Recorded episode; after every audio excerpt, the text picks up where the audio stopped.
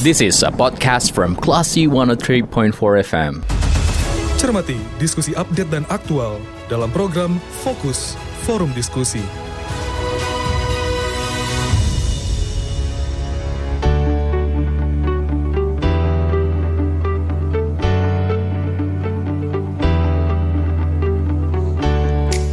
Empat kelas FM, this is the actual radio. Classy people, Anda masih bersama saya Faris Sardana dan saatnya mencermati program fokus untuk sore hari ini.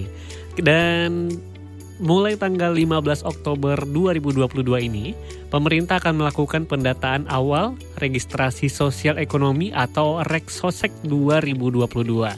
Untuk membahas hal ini Classy people, kita sudah tersambung bersama Kepala BPS Sumatera Barat, ada Ibu Herum Fajarwati. Assalamualaikum, Ibu Herum.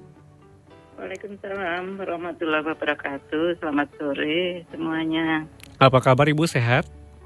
Alhamdulillah sehat. Alhamdulillah. Nah Ibu, tanggal 15 Oktober pemerintah akan memulai melaksanakan Reksosek 2022. Sebelum nanti kita akan coba membahas teknisnya seperti apa, Reksosek registrasi sosial ekonomi ini uh, pemerintah melakukan apa ibu? Jadi registrasi sosial ekonomi yang pendataan awalnya dilakukan tahun 2022 hmm. ini merupakan upaya pemerintah dalam mereformasi menuju satu data Indonesia untuk perlindungan sosial dan pemberdayaan masyarakat. Intinya itu untuk mendapatkan satu data perlindungan sosial. Karena data-data untuk perlindungan sosial selama ini masih dilakukan oleh kementerian masing-masing sehingga tidak bisa digunakan oleh lintas kementerian. Hmm. dan mungkin datanya berbeda-beda cara mendatanya waktunya dan sebagainya. Jadi nanti kalau satu data itu ada keseragaman satu data bisa digunakan oleh semua kementerian lembaga hmm. sampai dengan pemerintah daerah baik provinsi maupun kabupaten kota. Oke, berarti tujuan akhirnya nanti akan menjadi data bersama ya Bu, data yang dilakukan ya. untuk Reksosek ini. Iya, data hasil kolaborasi yang bisa dibagi pakaikan oleh semua kementerian lembaga dan seluruh pemerintah baik pusat maupun daerah. Hmm. Gitu. Kira-kira hal seperti apa sih nantinya atau data-data seperti apa saja sih Bu yang dibutuhkan ketika pendataan Reksosek ini apakah lebih kurang sama seperti sensus penduduk?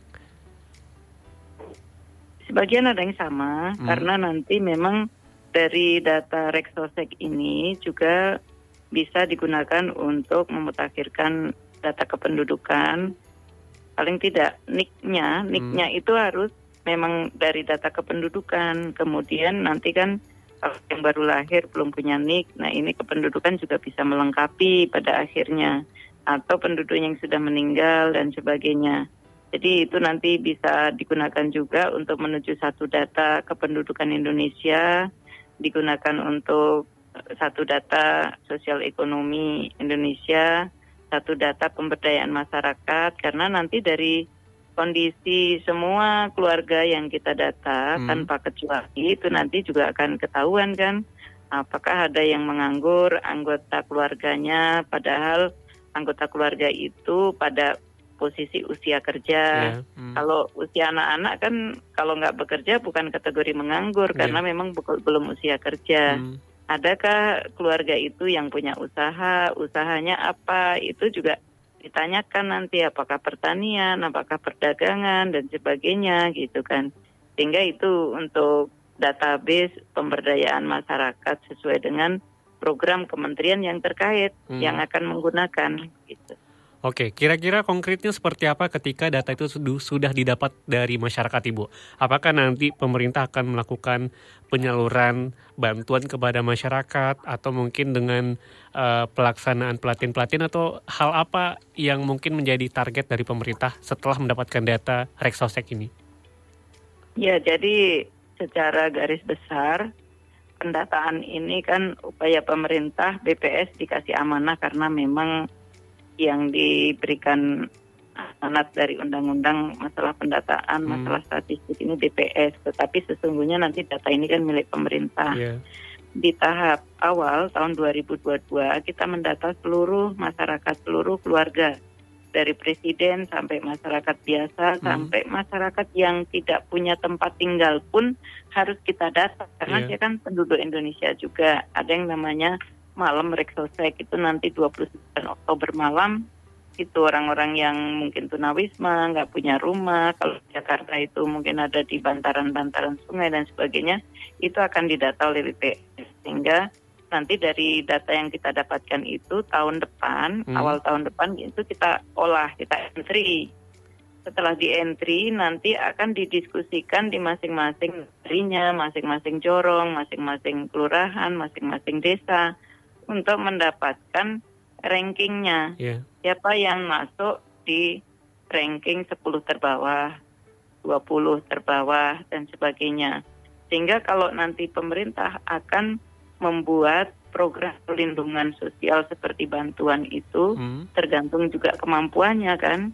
Kalau kemampuannya mengcover 30% terbawah, oh kita sudah punya urutan 30% terbawahnya Oke. Hmm. golongan yang berada 30% ke bawahnya dan sebagainya.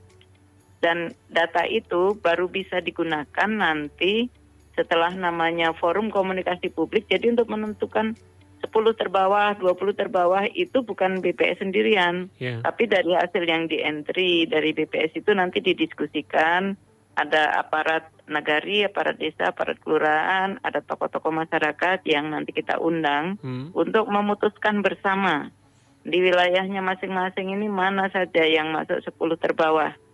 Jadi itu merupakan kondisi masyarakat yang diketahui oleh seluruh tokoh di situ dan dinyatakan oh ini 10 terbawah, ini 20 terbawah.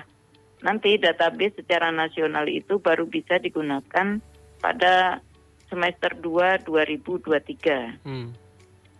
Dan nanti secara berkala data ini akan menjadi rujukan. Kalau dulu data DTKS untuk kegiatan ini ini, data dari pendataan keluarga dari BKKBN digunakan untuk ini ini gitu kan, program ini itu gitu. Yang ke depan itu nanti mau semua kementerian kalau mau membuat program perlindungan sosial, apakah kaitannya dengan pengentasan kemiskinan, Hmm. semuanya akan menggunakan data yang sama. Oke. Sehingga ketika kemiskinan itu yang paling parah katakanlah golongan 10 10 terbawah pasti dia itu miskin penghasilan, miskin pendidikan, miskin kesehatan. Dia mungkin perlu lebih dari satu program perlindungan. Tapi mungkin kalau dia nggak terlalu jauh dari garis kemiskinan, cukup dua program perlindungan. Jadi nggak semuanya disamaratakan. Oke. Hmm. Semuanya BLT gitu Hmm. ya, seperti itu kegunaannya. Baik, berarti tergantung kementerian nanti akan memberikan ya, Bu. Dat- Ya. dat- berarti nanti tergantung kementerian yang menggunakan data ini eh, penyalurannya seperti apa eh, dan juga tindak lanjutnya seperti apa. Kemudian kan ini akan dilaksanakan tanggal 15 Oktober ya, Bu. Apakah ini serentak Iya. dilaksanakan se-Indonesia atau mungkin di khusus di Sumatera Barat eh, ada jadwal khusus yang akan dilaksanakan biar nantinya masyarakat juga tahu nih Bu, misalkan kalau memang petugas dari BPS akan datang ke rumah, ya mereka mungkin udah standby di rumah, tidak keluar rumah gitu, Ibu. Iya, semua. Jadi seluruh Indonesia serentak. Karena kalau nggak serentak, data itu nggak bisa dibandingkan antar daerah itu. Jadi harus serentak, caranya sama. Ya itu selama satu bulan karena memang kalau satu petugas itu sekitar 250 kakak nggak mungkin dalam sehari selesai Hmm, kan. iya, hmm. Jadi dikasih waktu sebulan sehingga kita perhitungkan dari uji coba yang sudah dilakukan sebelum-sebelumnya itu cukup memadai untuk satu bulan. Ya, Yang kita himbau kepada seluruh masyarakat ya untuk menyiapkan apa jawaban-jawaban seperti kakaknya disiapin gitu kan, Hmm. NIK-nya disiapin gitu. Jangan nanti pas petugas yang nyimpen lagi di mana akhirnya nanti petugas terpaksa harus datang dua kali Iya, ini hmm. bisa bisa menghambat juga kalau cuacanya lagi nggak bagus juga jadi nanti banyak kendala jadi intinya adalah masyarakat menyiapkan data-data pribadinya Eh, apakah nanti masyarakat yang didata memang keseluruhan masyarakat sampai ke pelosok-pelosok desa atau hanya sampel-sampel saja, Ibu? Jadi seluruh jadi kalau ini benar-benar tidak boleh ada yang terlewat Hmm. kami pun juga untuk provinsi Sumatera Barat ya kami berkoordinasi dengan kepala daerah kami juga minta waktu kapan Buya gubernur Hmm. ada waktu kalaupun pas tanggal 15 nggak ada ya kita menunggu beliau berada di tempat kan itu karena kita memang memastikan siapa pun akan kita data gitu termasuk yang tadi yang tidak punya tempat tinggal pun gelandangan Hmm, atau hmm. tunawisma atau anak jalanan itu juga kita data awak kapal dan sebagainya kita data juga di pelabuhan-pelabuhan dan nanti data itu setelah semester 2 itu nanti secara berkala data itu akan dilakukan update Hmm. semacam validasi gitu ya dan update-nya itu nanti juga serentak seluruh Indonesia jadi satu data ini akan terpelihara kualitasnya jadi nanti tidak akan daerah ini mengupdate sendiri, daerah sana mengupdate sendiri, ini bulan Februari, yang sana bulan Oktober dan sebagainya. Tapi nanti pada waktu yang sama sehingga selalu bisa dibandingkan antara daerah yang satu dengan daerah yang lain. Oke, 15 Oktober sekitar empat hari lagi Bu. Berarti kesiapan dari BPS dengan petugas-petugasnya udah oke ya Bu?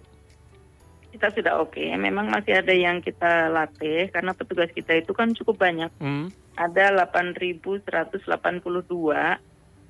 yang gelombang terakhirnya itu nanti baru akan dibuka pada hari Rabu. Itu kebetulan salah satu anggota DPD, Ketua Badan Kehormatan Pak Leonardi itu berkenan akan melihat Hmm. pelatihan yang di Hotel Teruntum mungkin sekaligus nanti bisa membuka dan menyapa para petugas. Itu gelombang terakhir dan akan berakhir di tanggal 13. Nah, tanggal 14 itu persiapan akhir membagi dokumen, petugas surat tugasnya harus kita pastikan sudah sudah jadi semua sehingga ketika nanti door to door itu kan kita bekali tanda pengenal, Hmm, hmm. kemudian surat tugas sehingga kalau ada masyarakat yang ragu-ragu karena pendataan di masyarakat itu kan banyak juga dilakukan oleh kementerian lembaga, mungkin lembaga riset juga. Jadi masyarakat mungkin menjadi ragu, silahkan. Pokoknya kalau pendata Reksosek tidak bawa surat tugas nggak usah dilayani. Oke, baik. Heeh. Baik. Terima kasih Bu atas informasinya terkait dengan pelaksanaan Reksosek ini mudah-mudahan berjalan lancar dan uh, hasil yang didapatkan ini bisa sesuai dengan harapan di awal dari pemerintah Amin. termasuk juga BPS. Selamat bertugas Amin. kembali Ibu. Assalamualaikum. Waalaikumsalam warahmatullahi wabarakatuh. Terima kasih. Sama-sama Ibu. Baiklah si people ini perbincang kita bersama Kepala BPS Sumatera Barat ada Ibu Herum Fajarwati dalam program Fokus dan saya Faris Hardana. Kita ke program selanjutnya. Terima kasih. Anda baru saja mencermati forum diskusi Onlyon Classy FM.